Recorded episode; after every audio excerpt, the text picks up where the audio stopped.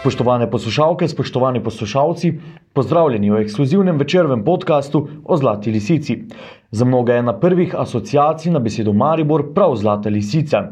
Zlata lisica je doma v Mariboru, je ena tistih stvari, ki Maribor dela Maribor in Mariborčane ponosne na to mesto. O spominih, anekdotah in zgodbah, ki jih je svoji bogati zgodovini napisala Zlata lisica, se bomo danes pogovarjali z Alfa in Omega slovenskega in mariborskega smučanja Tonetom Vogrincem. Pogovarjali smo se tudi z dr. Stojanom Puhaljem.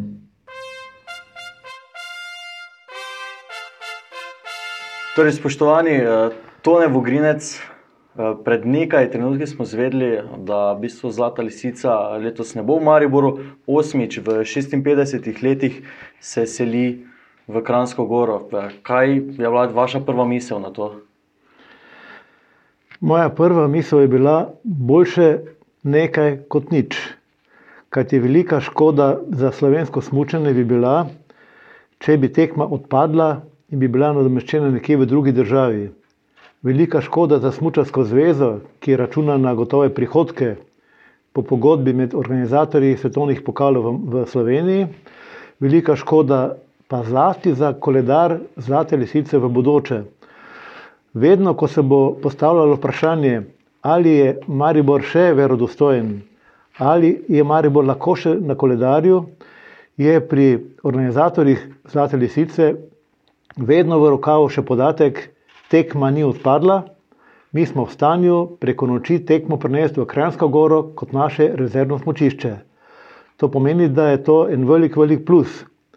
Minus pa je, da tekme na žalost ne bo v Mariboru, kljub prizadevanju organizatorjev, delavcev na, delavcev na progi, kljub temu, da bi sam verjetno se odločil, da bi tekma v Mariboru bila, po informacijah, ki jih imam jaz, je dovolj snega na progi, še nekaj se je ga je proizvajalo tekom današnjega dneva in, in noči.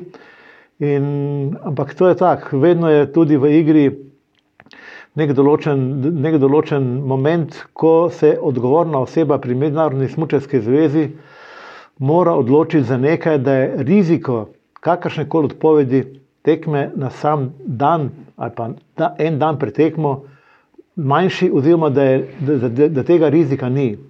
Kajti tudi za organizatorje bi bila prava katastrofa, da bi tekmovalke, spremljalci, trenerji, novinari, vsi prišli v Maribor in da bi po ogledu proge v petek, recimo, uh, ali se je zgodil kakšen štrajk, kar se je tudi že dogajalo, ali da bi pogoji res bili takšni, da bi bilo mogoče varnostno vprašljivo, da bi tekme odpovedali takrat. Potem je nastala velika, velika škoda, velika zguba, kajti stroški bi enormno narasli do samega začetka ogleda prve tekme, oziroma do petka, zato da je to na nek način sedaj ta premestitev, vse to, to, to zgodbo nekako obrnila v pozitivno. Ampak vemo, Zlata lisica je doma v Mariboru. V tokratnem podkastu se bomo pogovarjali o Zlati lisici, ki je bila večino krat seveda organizirana tukaj v mestu pod Pohorjem. Zdaj, ko smo omenili podkaste, koliko ste seznanjeni z njimi? Jaz brskam dosti, jaz sem dosti še na poti, tako da nisem v stanju vsak dan pogledati tole natiskano varianto v mojem večeru, ki, ki ga redno berem, in potem iščem vse mogoče možnosti preko telefona, da vidim, kaj se v Mariboru dogaja, če kdo umrl, če so koga zaprli, pa predvsem, kaj se novega dogaja v politiki in športu. Tako da tudi to, te nove oblike, novejše oblike uh, medijev poznate. Uh, torej, gremo na Zlato lisico. Ko vam kdo reče Zlata lisica, ne, vi, ki ste jo videli na vse možne načine, kaj najprej pomislite na Zlati lisici, ko vam nekdo reče Zlata lisica? Ja, to je tekma, ki, jo, ki v Mariboru enostavno povzroči neko, neko euforijo. Zlata lisica je mariborska, Maribor se skozi Zlato lisico pojavlja v svetu. Jaz sem večkrat že omenil, da, da je malo možnosti za eno mesto kot je Maribor, pa tudi za Slovenijo, da pride ta majhna država, to majhno mesto skozi ta medij, televizijski medij, skozi radijski medij, skozi tiskane medije, praktično v televizijski svet. To je, to je, to je reklama za, za našo državo in za mesto takšna, da si je enostavno, tudi če bi hoteli, ne moremo plačati. To bi bili enormni stroški. In meni je predvsem žal za to, da tega momenta, ki ga trenutno pač eh, nimamo v Mariboru, danes naprej, eh, ne zgubimo v bodoče, kajti Maribor potrebuje to.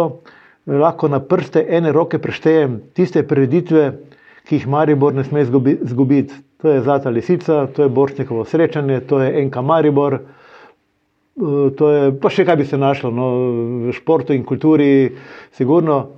In mislim, da bo vodstvo Maribora in vodstvo tudi Smučarskega kluba Vrnik z, z organizacijskim odborom Zlate lisice poskrbelo, da se bo ta tradicija nadaljevala. Pred 56 leti je bila organizirana prva Zlata lisica. Kaj ste počeli na prvi Zlati lisici, če se spomnite? Uf, to je pa daleč nazaj. Uh, jaz vem samo to, da je pred Zlato lisico bilo nekaj pomembnih tekmovanj tukaj, tako zvanih FIS tekmovanj, FIS A tekmovanj. Na nekaterih tekmovanjih je sodelovala tudi svetovna elita, če se omejim na dekleta, uh, sestri Guačel in cela vrsta olimpijskih zmagovalk, ki je takrat v Mariboru nastopala. To je bila zasluga Dušana Senčera, ki je zlobiral te tuje reprezentante, da so prišli v Maribor. Sam se spomnim pa moške tekme, ki je tudi bila mednarodno kar močno organizirana, kajti imenovala se je Mariborski slalom in na enem od zadnjih teh Mariborskih slalomov sem celo zmagal. No, to je ravno to, je zanimivo. Dosti krat ženske smočarke sprašujemo, kako je zmagati v Mariboru, uh, kako je bilo vam zmagati pred prijatelji um, tukaj v Mariboru. Takrat nisem čutil kakšne euforije, ampak danes se mi pa fajn zdi, da sem na predhodnici, pred pred tekmi Zlate lisice v Mariboru eh, na tekmovanju zmagal jaz, ki sicer v mednarodnem pogledu nisem bil umembe vreden tekmovalec, tako kot večina ali pa skoraj vsi jugoslovanski smučari v tistem času. Ste zdaj te dni pred Zlato lisico čutili, da, da se ta približuje, je dovolj pompa še v teh zadnjih letih od okrog tega tekmovanja, recimo mi na večeru se pripravljamo pred Zlato lisico, ker vemo, da je to velik dogodek z pripravo prilog, um, vabljeni tudi vsi poslušalci k branju na spletni strani in k branju tiskane priloge. Ne. Čutite to, da v bistvu se pogovarjamo, um, vse tisti, ki smo malo povezani s tem, zgolj o Zlati lisici, tako recimo zadnja dva dni, ko nismo vedeli, ali bo v Mariboru ali ne bo. Uh, sam sem še vedno v organizacijskem odboru, tako kot zadnja leta za tekmovanje za Zlato lisico. Redno hodim na sestanke, ki so vedno v ponedeljkih, in zato lahko rečem, da se je, se je cela ekipa, eh, vsi tisti, ki so večkrat neopaženi, tisti, ki se trudijo na samem smočišču, na pripravah za druge zadeve, izjemno trudili. In je vse potekalo praktično brez najmanjših problemov. Velika škoda je, da, da, da, da se to ni moglo pokazati na dan tekme. Ekipa je zelo, zelo uigrana, vse funkcije so razdeljene že vrsto let. In uh, lahko rečem, da, da, da, da samo upam na to, da bo ta organizacijski odbor z vsemi temi amaterskimi sodelavci funkcioniral tudi bodoče. Zdaj, omenili, omenili ste pohorce, mariborčene delavce na progah. Um, številni so se zvrstili v teh 56 letih uh, na 54 zlatih lisicah, ker smo pri štetju enkrat so naredili eno napakico. Um, kdo so tiste, ne, kdo so tiste imena, najzaslužnejša, naj, najzaslužnejša se upravičujem, um, da Zlata lisica je to, kar je zdaj. Um, V prvi vrsti, in tukaj ni nobenega dvoma, je najbolj zaslužen Dušan Senčar. Dušan Senčar, dolgoletni predsednik Smučevskega kluba Vranik, je tisti, ki je z neizmerno voljo In ravno danes, do povdne, ko še ni bila znana odločitev, smo se pogovarjali v krogu prijateljev, češ, če bi bil danes dušan senčar tukaj, pa če bi bilo potrebno, bi sneg pripeljali magari iz Krajinske gore v Maribor. Tekma v Mariboru bi bila. Res pa je, da so bili takrat drugi časi. Danes so zahteve Mednarodne smučarske zveze na bistveno višjem nivoju. Eh, za varnost tekmovalk se bistveno drugače Eh, ukrepa. In danes tukaj verjetno ne bi pomagala še taka akcija z takratno JNA, ki je sneg z lopatami metala na progo, sneg se je vozil z areha s kamioni in je na koncu tekma bila organizirana. Danes to seveda ni več možno in, in, in, in verjetno ni bilo druge možnosti, kot da gre tekma v Krajinsko goro. Gospod Vogrinec, naredimo na tej točki premor, besedo pa zdaj pridajamo dr. Stojanu Pohalju. Torej, eh, dr. Stojan Pohal, pozdravljeni. Uh, ste predstojnik oddelka na um, fakulteti, pedagoški fakulteti v Mariboru v oddelku za športno treniranje. Zdaj uh, gremo malo nazaj um, na Zlato lisico. Uh, veliko ste jih doživeli. Uh, kakšni so vaši prvi spomini na Zlato lisico? Ja, ker sem sam v bistvu kot uh, tekmovalec pomagal uh, na zlatih lisicah, ki so bile na zgornjem delu pohorja, to pomeni pod zgornjo postajo gondole, ne, na smočišču, ki trenutno praktično skoraj več ne obratuje oziroma uh, ni več vozno. So spomini taki zelo prijetni in uh, lahko rečem, da tisto volonterstvo v tistih časih je bilo nekaj posebnega in tudi čast in, in na koncu koncev veselje. Kasneje se je ta vaša vloga tudi bistveno spremenjala. Ne? Kaj ste, ste v bistvu počeli na Zlati lisici, v katerih vseh vlogah ste sodelovali? Ja, na lisicah, eh, v bistvu, kot, eh, ta, tako kot sem povedal, tudi kot, eh, kot bi rekel, postavljač, kot asistent postavljača, kot tudi v pripravi proge, in kasneje kot trener ob progi, in tudi postavljač uh, tekmovalne proge. V, v tistih letih, vražjih Slovenk, ste bili vi vodja te ženske reprezentance, bili ste zraven.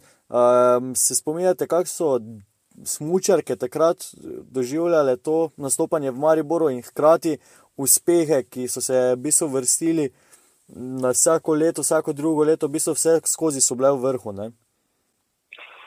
Ja, e, sigurno, da nastopi pred domačim občinstvom, pred prijatelji, da tako rečemo, e, so nekaj posebnega. Jaz bi jih lahko enačil z rangi najvišjih tekmovanj, ne, torej pričakovanja e, in, in, in e, vse se podreja temu rezultatu, ne, posebej na domači, tudi sicer, ampak na domači tekmi toliko bolj. Tudi pritisk, bi rekel, javnosti oziroma medijev, ko si v ko si doma, je toliko večji, in seveda to vse prinese potem uh, neke više, više stopnje, uh, kako bi rekel, znesenosti uh, ob uh, pripravi in na koncu konca tudi nastopi. Da pa se potem rezultatsko lahko stvari tudi kdaj kaj drugače obrnejo, da tudi narava včasih lahko kaj naredi, pa niti ni možno kaj doseči, recimo celo ne. E, tudi to je možno. Ne? Ampak jasno, da ob neki dobri pripravi, ki je danes praktično skoraj nemogoča, ne? to se pravi, kaj je prednost domačega terena. Prednost domačega terena je, da ti pred tekmo treniraš v, torej v svojih prostorih. Ne? In prostori smučkajo, so hribi za hišo in to, kar imamo tukaj v tem trenutku je bolj malo možnosti, oziroma za nek tako adekvaten trening, ki bi lahko prinašal potem na samem tekmovanju tudi rezultatsko. Um, takrat, ko ste bili vi eh, del te reprezentance ženske, je bilo v bistvu slovenskih smoček v vrhu uh, res veliko število. Zdaj se dogaja, da so um, posameznice uh, del vrha, kakšna je razlika, um, zakaj pač se je zgodilo, zgodilo v teh 25 letih, 20 letih um, pač ta sprememba? Ja, glav, glavna sprememba, ki jo jaz vidim, je v tem, da uh, je seveda slovenski šport bistveno bolj razvejan, kot je bil predhodno. Ne? Se pravi, v času Jugoslavije in malo potem. Eh, je seveda alpsko smutanje v Sloveniji predstavljalo šport številka ena, in potem dolgo ni bilo nič, in potem so bili drugi športi. In danes imamo teh športov na tem nivoju, tudi recimo uh, alpskega smutanja, kar nekaj, ne, ne bomo naštevali. In od tu izvira uh, ta, bi rekel, temeljni problem, da se seveda število talentov, ki se odločajo za šport, uh, tako porazdeli tudi na druge športne panoge, in zato seveda v samem smutku več tako bogatega bazena, kot smo ga imeli predhodno, ni več. Ne? In od tu se ta zgodba v bistvu začenja. Naslednja stvar pa so tudi pogoji za delo, ne? ki so bili pred časom še bistveno boljši. Zime so bile zime, eh, pogoji, seveda, tako kot smo rekli, eh, res pred nosom, in seveda to je tudi pri, dodatno pritegnilo tako otroke, oziroma tudi starše, ki so imeli zaradi tega toliko manj, bi rekel, eh, prevoženih kilometrov, tudi denarja je stalo toliko manj, danes so seveda pokoji bistveno težji, oziroma jih skoraj ni. Vse to prinaša te neušečnosti na cestah in v finančnem smislu, ki pravzaprav odvračajo od, od uh, bi rekel, večjega, uh, večje prisotnosti v, v, tem, tem zimskem športu. Okay, um, zdaj, če se vse začne in konča uh, Zlato lisica, ne, ki je nedvomno povezana z Mariborom, um, se morda, vem, da je nehvaležno vprašanje, ampak se morda spomnite, kakšne posebne anekdote uh, z teh 55 oziroma ja, 54 zlatih lisic. Um, lahko tak, če bi vam kdo rekel, kaj je bilo tisto najbolj smešno, žalostno, uh, kaj se vam je najbolj vtisnilo v spomin. Tak, da bi zdaj kar tako nekaj potegnil iz, iz talona teh posebnih dogodkov, eh, kaj je bilo veliko impresivno za mene, je bilo to, da smo imeli slalom, če se ne motim, v dveh tekih. Ne? Torej, v dveh, jasno, v dveh tekih, v dveh dnevih. Ne? To se pravi, en dan, en tek, drugi dan, drugi tek. Hvala za. za uh, teh uh, nekaj minut pogovora. Ja, dobro, ja. hvala enako. Ja.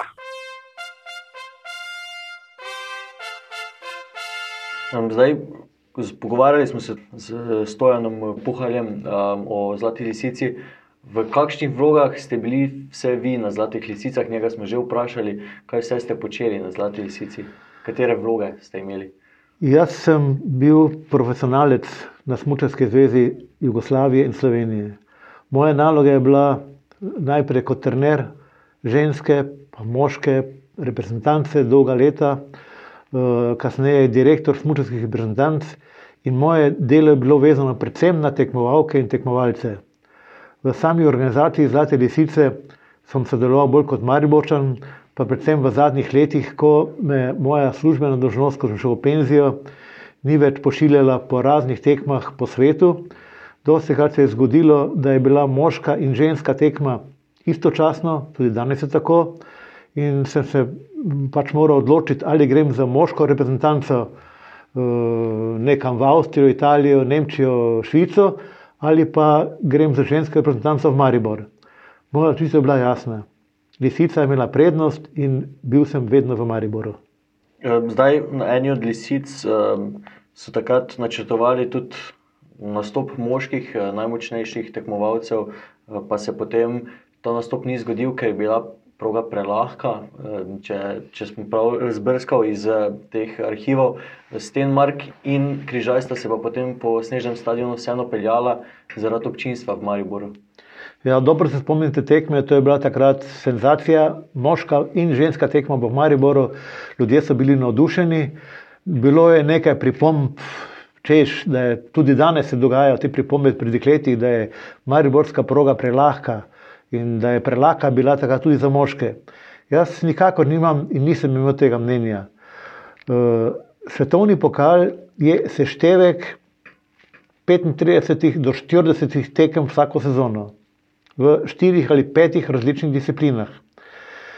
In na koncu zmaga tisti tekmovalec ali tekmovalka, ki zbere najbo, največ točk na vseh teh tekmovanjih. In pravilno je, da so tekmovanja enkrat na lažjih progah, enkrat na težjih progah, enkrat na ledenih progah, enkrat na mehkih progah. Tista tekmovalka ali tisti tekmovalec, ki bo vse to obvladal, je najboljši smočen na svetu in bo dobil veliko kristalno kroglo za skupno zmago svetovnega pokala tudi v individualnih kategorijah, je ista zgodba. Zamislite si, da bi vsi slalomi bili postavljeni enako na istem terenu, pa da bi desetkrat vozili ta slalom. Totalno nezanimivo. Mora biti različne proge in, kot sem rekel, lahke, srednje in težke. Um, zdaj, kolega Goran Stelvič je na današnji novinarski konferenci postavil eno zanimivo vprašanje, oziroma trditev eh, je povedal, da je Maribor kids bil ženskega smučanja. Se s to trditvijo eh, vi strinjate, vseeno ste videli v smučarski svet? To je mogoče malce pretirano. Je pa Maribor za dolgoletno tradicijo in oziroma to, da je to na nek način mestna tekma, ki, ki jo Mednarodna smučarska zveza privilegira. Ne? Med, mednarodna smučarska zveza ni zainteresirana, da je tekma nekje Bogu za hrbtom, nekje v nekih hribih, brez publike, brez možnosti uh, za gledalce. To nobenega več ne zanima. Treba iti čim bližje mestom, velikim mestom in tam, kjer je zanimanje gledalcev. Jasno, reči primerjavo delati z Kitzbühelom in z Šladmigom, recimo, kjer, je, kjer je 50 in več tisoč gledalcev, smuku Kitzbühelu preko 50 tisoč, Šladmigu okoli 50 tisoč, v Slalomu tudi, ne, to, tu se ne moramo primerjati. Ne. Ampak med ženskimi tekmami je pa Maribor imel in ima vlogo kar ene od boljših tekem, tudi zanimanje gledalcev, zlasti za kratko so naše dekleta bila v formi in eh, za časa Tine Maze, za časa vražjih slovenk, eh, je, tudi je bila tudi Mariborska ciljna arena. Zelo, zelo dobro zasedena, tu so tudi obrobne prireditve, tudi novinari radi, radi pridejo v Maribor, tu je le mesto, se kaj dogaja, pa vinska klet, pa sprejemi in tako dalje. Tako da Maribor ima kar zelo, zelo visoko vlogo v, v koledarju. Je pa seveda res, ne, če bo še večkrat prihajalo do odpovedi, ne, potem se pa lahko zgodi, da se bo kdo spomnil. Čujte, eh, mi pa imamo vedno sneg, zakaj ne bi k nam prišli? Ker v čakalni vrsti je cela vrsta držav in krajev, ki bi radi organizirali te tekme. Recimo danes na, na Slovaški imajo vrhunsko smočarko. Ne? In Slovaška bi dala ne vem kaj, če bi vsako leto imeli, dobijo občasno tekmo, da bi vsako leto imeli tekmo svetovnega pokala. In dosti takšnih je, ki kome čakajo, da bi Maribor obupal, pa da ne bi hotel več, pa da bi se karkoli zgodilo. Ampak jaz sam večkrat pravim, leto se je že pokazalo, da je zasneževalni sistem že tako dober, treba ga seveda še do konca izpopolniti, tudi zaradi turističnega smučanja. Vsekakor mora zasneževalni sistem pokrivati celotno pohorje do Areha in biti v stanju, da istočasno za dovolj vode, dovolj energije, dovolj topovi, dovolj visoko tehnologijo, da snižujejo celo pohore v tistem trenutku, ko so nizke temperature. Leto se bo res to neverjetno, zelo malo nizkih temperatur. Človek razume, da, da, da, da ni padavin. V Mariboru, če se spomnimo nazaj, tri mesece ni bilo ne držav, ne snega, nobenih padavin, kar tudi ni normalno. Ampak ljudje se ne zavedajo, da smočarski šport kot tak, zlasti pa tekmovalno smočanje, ne rabi naravnega snega. Naravni sneg je prej ovira, kot pa pomoč. Če pade naravni sneg na pripravljeno progo, ga morajo odstraniti. Če je samo naravni sneg na turističnih progah, so te proge v dveh dnevih uničene, ker se naravnega snega ne da pripraviti, da z moderno premo, z karnimi smočmi, z, z veliko število smočerjev lahko tedne in tedne potem sneg smučajo. Zato mora biti sneg narejen. In sneg delajo tudi na višinah 2500 metrov. Ne poznam smučarskega centra, modernega na celem svetu, ki ne bi imel proizvodno, uh, ni umetni sneg, proizvodno uh, snega na osnovi vode, vode in zraka. In če bo Maribor, kot sem že rekel, to še dopolnil, in če ne bo take smole, da v začetku decembra ne bo deset dni hladnih temperatur, potem nam res lahko samo Bog pomaga. Ampak jaz mislim, da bodo te temperature in da bo razvoj tega smučanja šel naprej. In tam, kjer je pa sneg decembra bil narejen, se lahko stavimo. Ne vem, kaj bomo šli marca pogledati, še vedno bo v snežnem stadionu. Okay, um, zdaj, gospod Puhal nam je omenil eno anegdoto, um, ki se mu je zdela ena bolj zanimivih zlate lisice da je v bistvu bil slalom izpeljan v dveh dneh v Mariboru. Se vi spomnite tega leta? Čisto točno se ne spomnim, vem pa, da, da, da se to, mislim, sem Maribor zgodilo, nikjer drugje na svetu.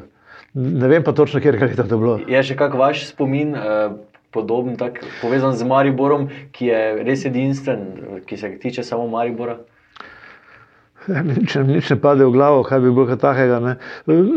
Nekako zanimivo je, tu se doskrat govori, pač tudi okolje, ne, to je to vinorodno področje. Ne. In ta vinska klet, o kateri je bilo v zadnjem času dosti govora, o novem lasništvu in kaj bi z njo, kako in kaj, ne, da so pred leti, ker še, še tudi ta svetovni pokal ni bil tako nateran v maksimum in tako smrtno resen, tekmovalke šle v vinsko klet in tudi spile kakšen kozarček. Jaz se enkrat spomnim, da je celotna nemška reprezentanca žensk, dekleta, ne, so bila in da jih je trener dobesedno lovil po vinski kleti, da jih je spravil en dan pretekmo v hotel. Ne. In to je nekako vinorodno področje z tekmovalnim smočanjem, z mestom v bližini. To je nekaj posebnega, tega ni nikjer drugje. Je res pa je, da je na tej višini še kar nekaj tekem svetovnega pokala. Ampak te so ali v Skandinaviji, ali tudi, tudi recimo, če se pomikamo dol, dol proti, proti Aziji, ki so gotova področja na Japonskem, ki so tudi na, na, na, na praktično cilje skoraj, skoraj ob, ob morju. Tako da, da gre samo za to, ali bomo imeli še kaj mrzlih dni, v prihodnje govorim. Ne? Mis, jaz mislim, da jih bomo imeli in takrat treba sneg narediti in ga bo do konca sezone. Pomenili ste to vinsko klet. Um, sprejemi za smočarke so v Mariboru potekali na večjih lokacijah. Koliko je to za smočarje, pa tudi vse ostale, ki so del karavane, pomembno, da se, da se kot ste videli, da se dogaja okoli vsega skupaj. Ne? Je to za njih tudi dodatna motivacija? Je, je to, ne, to je bilo nekoč, kar vrsto let nazaj. To je super profesionalni šport. Tako tekmovalke, kot trenerji in spremljalci, serviserji, enostavno nimajo časa, na kraj pameti ne pade. In to je organizacija teh dodatnih sprejemov, sprejem župana, predsednika države, kakorkoli, noben ga ne zanima in noben ne pride. Tega ni več. In tudi v Vinsko klet, zadnja, zadnja leta, ne, nihče od oficialnih udeležencev tja več ne pride. Tu pa tam mogoče kakšen trener, kakšen vodja reprezentance, uh, ampak. Minska klet je v glavnem animacija za mariborčene, ki pridejo tja, se tam družijo in to ni več za, narejeno za, za, za tekmovalce. In tudi spomni se nazaj, vrsto let županovih sprejemov v Narodnem domu. Ja, sami domači smo bili, samo menjega ni bilo. In zato je pametno, da, da se je to ukinilo. To so samo stroški, efekta nobenega, ker je profesionalni šport omejen na tisto, kaj se dogaja na progi, o progi, v hotelu, v servisni delavnici, vse drugo jih ne zanima. Ja, danes je v bistvu na večeru um, račun, Instagram račun, torej na socialno mrežo pisala navijačica Mikele Šifrin iz ZDA, ki pride prihodnji teden. V Grad in je pač pisal, vprašala, kje bo tekma. Ne, povedali smo ji ob spremembi, da se sili v Kransko goro. Zdaj, To je čisto ena tako mala, uh, malo sporočilo, ampak vseeno vi poznate ljudi, ki spremljajo uh, smutanje, alpsko smutanje vsako uro, vsak trenutek. Kaj fejs pomembno je za te spremljevalce, za te ljudi, ki, ki obožujejo ta šport, da, da se Maribor pojavlja kot ime na vsake toliko. Ne? Je, je bistvo, kakšen vpliv ima vse skupaj to? Ja, iz našega stališča je to najboljši marketing, kar si ga lahko misliš. Si lahko zamislite, da, da, da, da, da če je normalen program v Mariboru, da je to 4-5 ur direktnega televizijskega prenosa v ogromno držav. Ja, dajte vi samo eno glas za, za, za liter Mariborčana v nemški časopis ali pa kam drugam. Tega danes nima nišče v Sloveniji. Tu pa imaš ti ure in ure, minute in minute programa, ki gredo ven, ki, ki ljudi nekako opozoril, da je Slovenija, Maribor, tam imajo tudi smočene pohre. Jaz sem x-krat doživljal, ko sem hodil po svetu okolje, ne, da ni bilo treba posebej razlagati, kje je Maribor. O, vi imate pa svetovni pokal. Jasno, gibam se v teh krogih, ki se ukvarjajo z smočanjem in z zimskim turizmom. Ne. To je malce drugače. Ampak tudi. Ljudi ni malo. To so jih ogromno, pa tudi, tudi zadnji čas se dosti ukvarjam z golfom, pa ko igram golf po raznih državah, tudi izven Slovenije. Ne. Dosti krat. Ah, Maribor, welcome from Maribor, oh, World Cup. Ne? Vedo tudi ljudje, ki se ne ukvarjajo s mučanjem skozi. Ker jasno, televizija, najbolj zanimiv, zanimiv moment pa je seveda še v bivši naši državi, Jugoslaviji. Ne? To me je največ, največkrat presenetilo. Ne? Sem prišel na morju, imel sem eno jadrnico, pa sem pristal na nekem zakotnem otoku, ne, pa pride tam ribar, neko mrežo ven vleče, pa me gleda tako. Pa, ja, vas od nekod poznam. Pa me gleda, ne.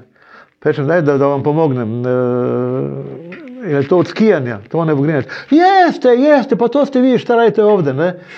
Rekel, pa kako vi to, da vi to, da mene vi upoznate, nikad nisem bil kot vas, pa, ne.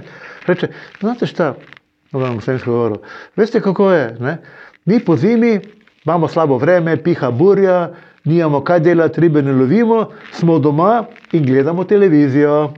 In takrat je jugoslovanska televizija tudi že prenašala vse te smučarske tekme. In še ti ljudje so morda bili bolj seznanjeni z tem, ker niso imeli pod milim Bogom kaj delati, cel dan, ko gledajo televizijo. So bili bolj seznanjeni s tem, kot pa eden, recimo v Zagrebu, Ljubljani ali pa, ali pa, ali pa v Beogradu.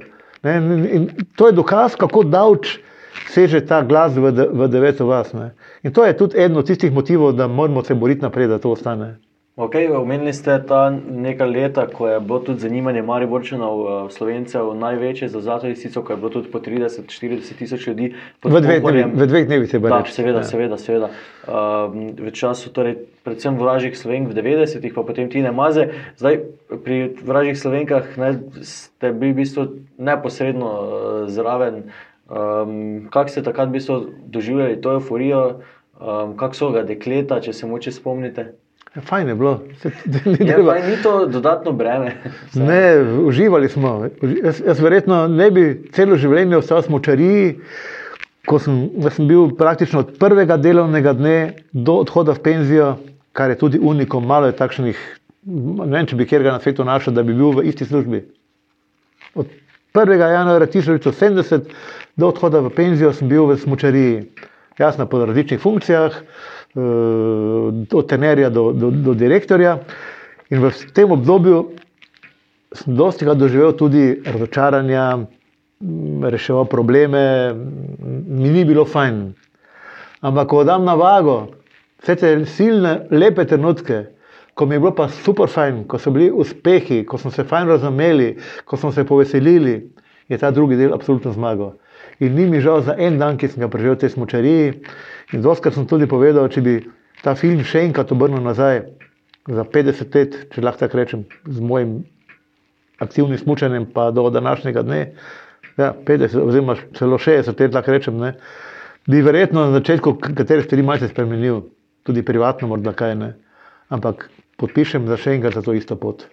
Ja, zdaj, skozi vso to pot, tudi zlate lisice, so se v slovenskem športu, smutnju, dogajali s polnim paci. Zadnja leta imamo vedno smutnjake, ki so um, blizu, če ne na vrhu. Ne? Če gledamo v zadnjih vem, 30 let, um, na začetku zlate lisice je bilo pa malo drugače. Ne? Slovenske smutnjake niso bile profesionalke. Um, vem, vi se verjetno spomnite imen. Draga Žoraj. Poznamo anekdote, ko so bile eh, ženske, ki so smučale, pa naslednji dan še na trening rokometa in podobnega. Zdaj, vi verjetno poznate te zgodbe bolj podrobnosti, ampak ja, prvo se to alpsko smučanje v Mariboru ni malo totalno profesionalno. Ja, prva Mariborčanka, ki je imela relativno dobre rezultate za tiste čase, daleč od zmag, pa, pa kolen, ne, je bila Draga Žoraj, ki je skozi smučarski klub Ranik eh, prišla na trening v, v, v Avstrijo in je imela nek, nekaj več možnosti kot ostala dekleta. Ne. Uh, predtem je bila ena skupina, to je bila pa moja generacija, draga že je že malo, malo mlajša. Ne.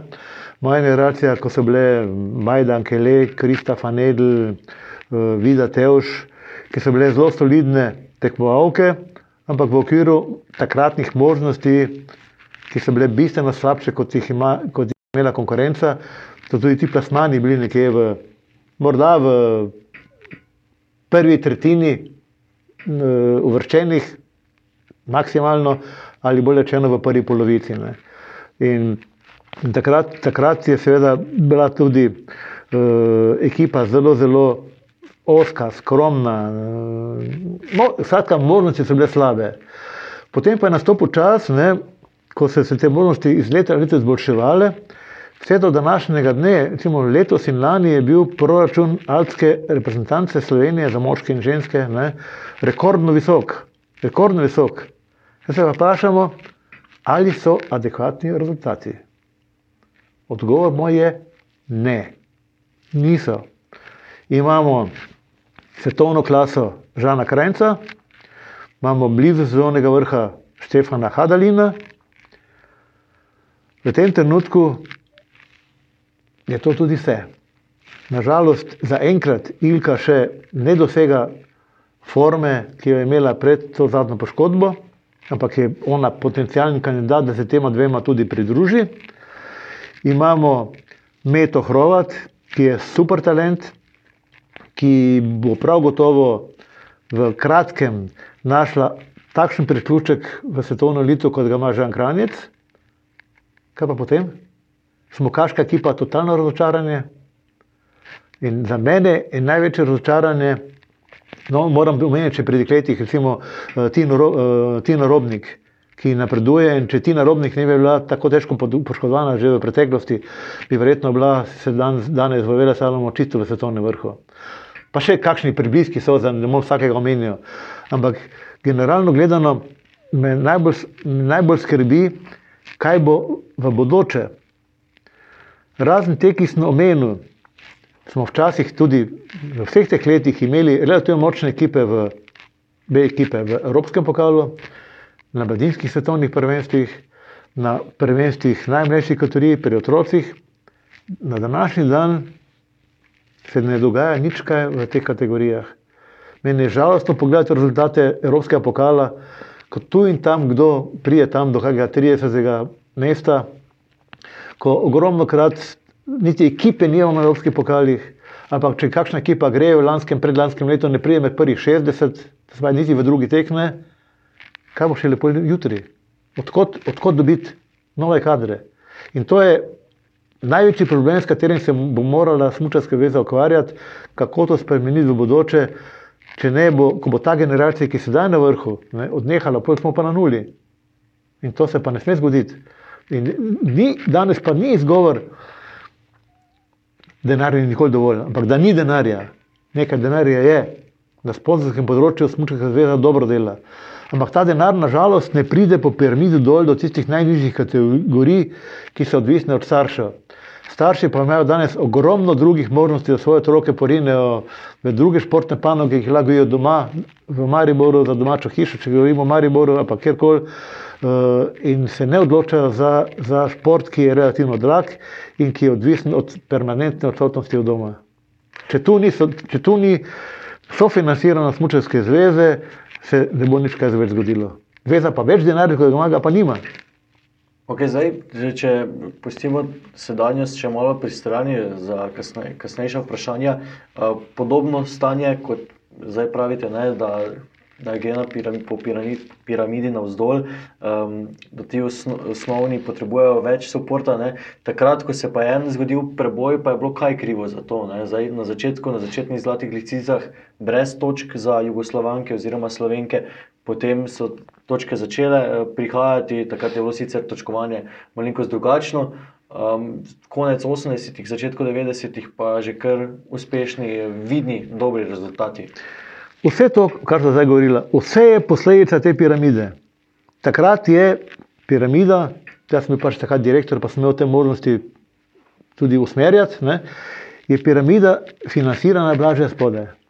Ne, mi smo imeli eh, tudi za najmlajše otroške kategorije 50 in več smočarskih dni treninga v poletnem času, financiranega se strani Smočarske zveze.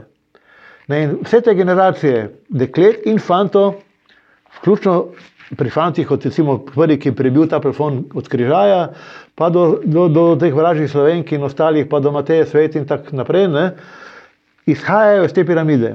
Tudi Tina Maze izhaja te, iz te piramide. Tina Maze ni, ni padla z neba v naročje Andreji Masiju, svojemu današnjemu soprogu in svojemu dolgoletnemu trenerju v individualni ekipi. Tudi Tina Maze je začela v otroških kategorijah, bila z naskokom najboljša mlada smočarka pri otrocih, pri mladinkah.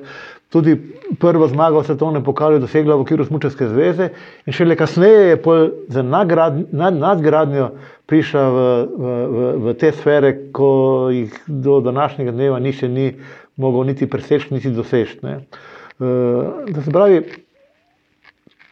res te piramide ni nič, Enostavno, ampak takrat je bila ta piramida že, že obstala. Je pa res, ne, da imajo drugot to piramido spodaj, ki je spodaj bistveno širša.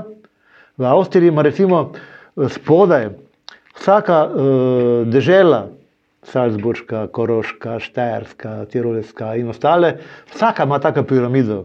Kot, kot smo mi imeli, pa bi morali imeti samo eno. In zdaj, če iz teh malih, silnih piramid pomožiš, koliko mladih se usmerja v tekmovanje smučanje v, v Avstriji, pa tudi v drugih državah, v primeru Slovenije, ki se ta piramida spodaj praktično zaprla, ni več. Potem ni čuda, ne, da imajo oni vedno znova tekmovalce v sezoni vrhu, lani ga sploh nisi še poznal, leto se že spredaj, pa nas pa še Evropskem pokalu ne pride naprej. Jaz bi recimo v krizi te smokaške reprezentance zelo hitro sprejel sklep, dokler, fanti, dragi moji, v Evropskem pokalu niste v smuku, nažalost jih je zelo malo, ne, ampak zdaj že tako sezona pol zafurana, ampak v principu med prvih deset nimate v svetovnem pokalu kaj za iskati. Šola ne začne v, na mladinskih sezoni prvenstvih, na mladinskih tekmah, te, na tekmah Evropskega pokala, ki je prva nadgradnja, še lepo, če nisi med prvih deset v Evropskem pokalu, kaj už dela se v tem pokalu? Škoda denarja, škoda časa. Škoda, da, da zgubljaš tudi, tudi voljo, da postaneš malo dušen, vse ne gre, vse ne gre. In drugo, konkurenca mora biti, če z te piramide ne, ne pride več tekmovalcev gor, da se med sabo borijo za to mesto, ne? da je na vsakem treningu borba. Ne pa da so štirje v eni ekipi in vrata se jim odprta na vse tekme na svetu, to ni to. Tam ni dovolj konkurence. Zdaj, odlična konkurenca je bila predvsem v 90-ih v slovenski ženski reprezentanci, ki je dosegala v bistvu na vsako lisico ali pa na vsako drugo lisico izjemne rezultate. Uh, Je bil tudi, tudi razlog ne, za, za te uspehe v 90-ih? Ja, sigurno, sigurno. Ne, in, in eno, eno, je, eno je konkurenca, drugo je dobro, dobro strokovno delo. Ne, in, in, in ta konkurenca, no, če, če pogledamo, kaj se naprimer, ti ne vazi, sem že prej povedal, pa tudi na ostalih, na špili pred, na, urški hrovat, to so vse že bili pri, pa, kaj sem pri moških, Rok Petrovič. Rok Petrovič je na, na, na tekmi otrok v trofeju Topolino zmagal vse živo, kar bo možno dve leti zapredano. In, in jaz sem takrat delal statistike. Ko smo pogledali ravno to tekmo, to je takrat, pa še danes je pomembna tekma, trofejo Topolino Monte Bonone v Italiji. To je bila kot neka pionirska olimpijada. Če si tam pogledal zmagovalce po posameznih kategorijah, mlajši pionirji, starejši pionirji, mlajše pionirke, starejše pionirke, to je bilo vse do 14 let. Si pogledal imena zmagovalcev, pa si pozabil par let, pa kar naenkrat vidiš zmagovalce svetovnega pokala. Hopla, ki so pa ti bili takrat, ki so zdaj že takrat zmagali. Pravi, vstop v te piramide je že zelo zgodaj, in mi zdaj spodaj nimamo tega. Ne? In če se spodaj, če spodaj premagaš svoje vrstnike, na Tofeju Topolinu je tudi danes je prisotnih 30-40 držav. Ne? In že pred dvema letoma smo rekli, tremi leti sem malo opazil, da so Hrvati na te tekme najmlajših kategorij začeli prihajati pred Slovence. Ali pa vsaj v isti korak Slovenci. Danes imajo Hrvati štiri tekmovalce, ki moške, ki jih prihajajo med prvih 30. Čeprav so mislili, ko bo Kostelič, pa Janica in njim, ko bodo nehali, da bo konc. Danes imaš tri slalomiste, med prvih 30 praktično, pa Zupčiča, ki je, ki je v Velesalomu svetovna klasa in tudi slalom prihaja naprej. Hrvati. Misliš, da to je nemogoče? Je, ker imajo dober sistem. Zdaj, um, Zlata lisica pripelje v Maribor tudi eh, številne tujce. Kaj mi najbolj všeč v Mariboru? Treba, treba pač ločiti tole. Ne? Eno je ta tekmovalni in spremljevalni del, tisti so kot fijakarski konji. Oni vidijo progo, vidijo tekmo, gremo naprej in že pogledamo drugo tekmo. Drugo so pa novinarji, prijatelji, navijaške skupine. To je pa kar, kar je na veliko. Zdaj, recimo, če bi lisica bila v Mariboru, koliko je meni znano, je že preko 500 Slovakov se prijavilo za ogled tekme. In se, se računa, da jih bo preko tisoč. Poleg tega posebni avtobusi in vse. Zdaj bodo verjetno šibali v Kransko goro. Ne? Ne? In ti ljudje pa uživajo na takih tekmah. V Mariboru je cela vrsta dobrih gostiln, je dobro vino, najdejo kako zabavo, ti imajo čas, ti lahko zvečer se poveselijo, tudi do polnoči, do enih in pogledajo zjutraj na tekmo in naprej navijajo, pa se veselijo. To je druženje. Ne? Zdaj tega tukaj z Mariborom žal ne bo. Ja, ampak je z tega vidika Mariborka posebnega ali so take tekme, Je. ki so posod? Je tu je Maribor v prednosti, ker, ker je več teh možnosti. ne. Saj, jasno, tudi v Krajnski gori, da se vem, da, da ko je moška tekma v Krajnski gori, vsako leto sem tudi prisoten tam, ne, eh, da so gostilne, gostilne polne, da je v Krajnski gori dobra kulinarična ponudba. Ne. eh, Da je podobno tudi na drugih krajih, da se posod, posod se nekaj dogaja. Ne. Ampak razlika je mestna tekma ali pa tekma nekje v, v Alpah, bolj, bolj ob strani, ko ni, ni, ni toliko domačih prebivalcev in, in domače ponudbe, je bolj vse izobraženo, bolj, bolj naravnano turistično. Danes v, v, v, Mariboru lahko še vedno, če te kdo vpraša, ne, domačini vemo svetovati, kam boš lahko šel. Ali bo šel k Andaliču nekaj dobrega pojesti, ali bo šel kaj sem v to in to gostilno, ker imajo dobro vino, ali tam je dobra riba restauracija in jih tudi včasih usmerjamo. Um, Maribor je v bistvu imel dve prizorišči, ne, to spodaj na Sežnem stadionu, pa eno zgoraj više uh, na Fiski, kot rečemo, ne, uh, kjer je vam bilo ljubše. Tisto zgoraj je bilo neprimerno. Še danes je prestrmo, prekratko, preosko spodaj v, v cilju, tam je nemogoče. Ne. In tudi takrat je bilo to zelo, zelo na, na, na meji. Če ne bi Dušan Senčar imel tako močno pozicijo v Mednarodni smučarski zvezi, bi nam že takrat nekaj, vse so nam tudi enkrat štrajkali, pa je tekmo malo povedano, vem, da se je imenoval, da je tehnični delegat Zenger iz Avstrije, ki je takrat tekmo anuliral. Uh, dokaz je bil en slalom, enkrat, ko je meni se zdi, manj kot 20 tekmov prišel v cilju. Ja, v to je cilju. bilo v bistvu um, v podobnih letih, eh, tudi, tudi uh, ker smo pač zaradi te priloge večerove brskali. Um, torej, enkrat je bilo tako, ja, da, so, da je FIS pač odpovedal tekmo, um, Avstrijci pa so potem v medijih pisali, da Maribor krade smučanje. ne. Um, no, ta druga tekma je pa ravno Filip Gartner postavljal slalom, ki je bil. V bistvu za tri četrt smočark pretežak. Veste, to je bil razlog, ne, ni edini razlog. Razlog je tudi publika, ker prednost Maribora je največja v tem, da si v petih minutah iz 100 tisoč glavega mesta lahko v cilju. Spraviti zdaj ljudi gor na, na Fisko, okoli po cesti ali pa za takrat za staro gondolo, ki je imela kapaciteto, ne sedi 400 oseb na uro.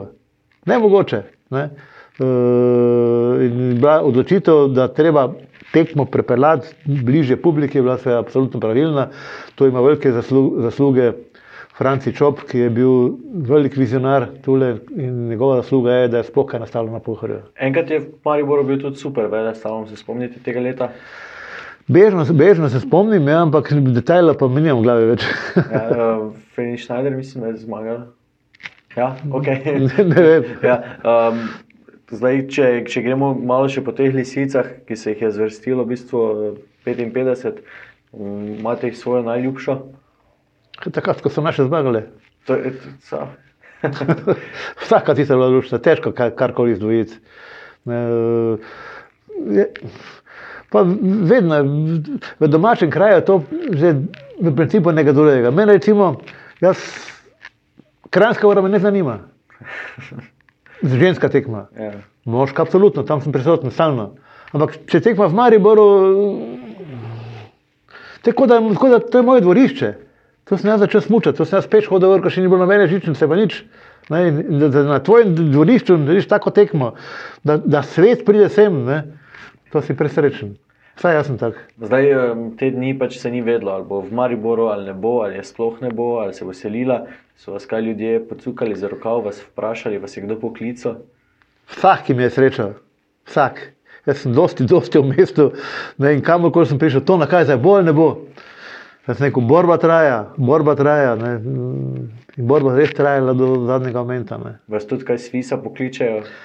Vsi so največ. Jaz sem pred, zdaj bom mislil, že skoraj štiri leta ali pa tri, ko sem na kongresu v, v Grčiji, Kosta Navarino se je imenoval tisti kraj, eh, na seji Alpskega komiteja se je poslovil, predal mojo funkcijo, oziroma predlog, da me nadomesti v Executive Boardu, to je glavni organ alpskega smučanja, da sem predlagal, da gre namesto mene v ta board Gerega Benedika iz Kranjske gore, kar je potem tudi uspelo, pa je bil izvoljen. In od takrat naprej Mimo grede, bil sem, bil sem 47 let v raznih organih FISE in več kot 30 let v Executive Boardu Alpskega smučanja, to je najvišji organ. In znam sem bil potem, da sem nešteto krat predlagal spremembe, da je dosti od tega tudi bilo akceptiranega, dosti pa ni, ampak sem pripričan, da nekaj od tega tudi v perspektivi še bo. Že letos sem nekaj slišal, ko so omenjali pravila, pravila pri paralelnih zadevah in tako dalje. Vsaj, pa bi eden od odgovornih oseb rekel, da počasi bomo pri, prišli na to, da bo pravilo. Aha, kaj, kaj to pomeni? Ker jaz moje, moje, moje mišljenje še danes, da v svetovnem pokalu več kot 45 ljudi nima kaj za iskati. To je maksimum. Da prideš do 45, je pa več načinov, ali so kvalifikacije, ali je trenutno vrstno red svetovnem pokalu, ali je oboje mešano. Da se starta tudi v podobnem načinu, kot se teniška lestvica napravi. Najboljši za najslabšim, drugi najboljši za drugim najslabšim. Ne?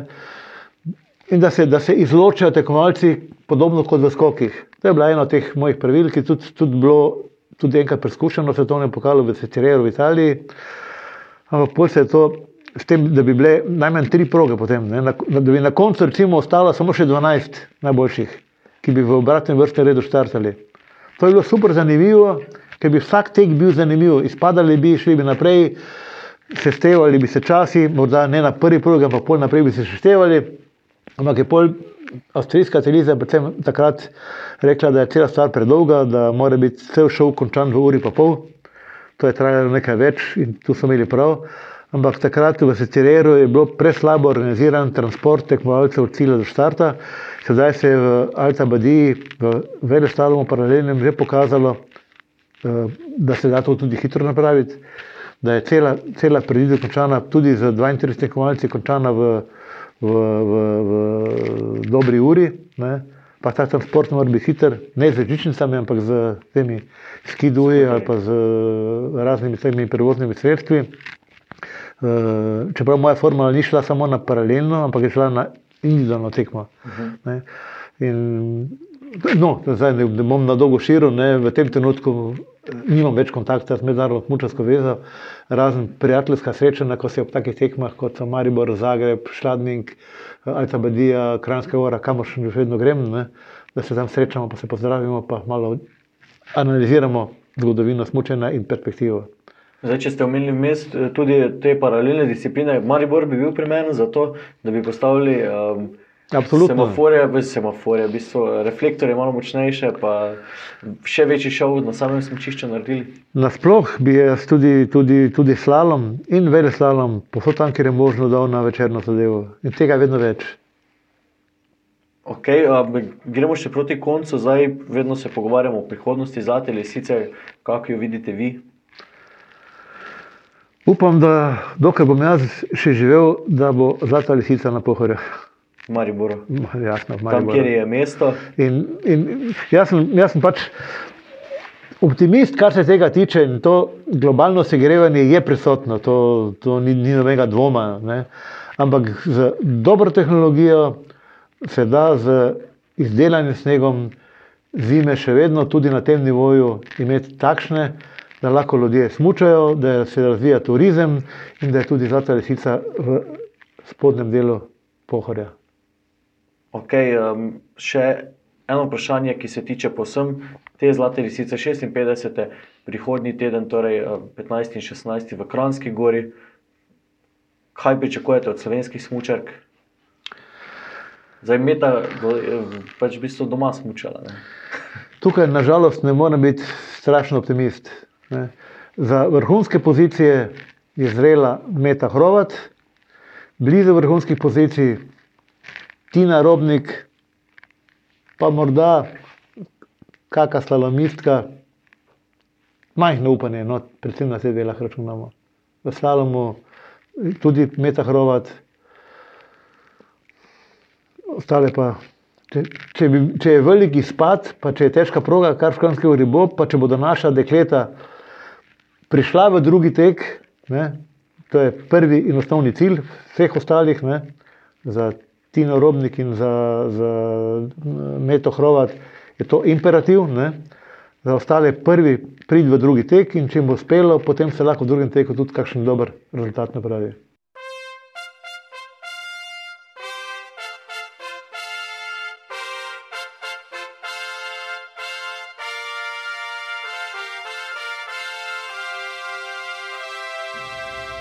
To je bil ekskluzivni večerov podcast o Zlati lisici.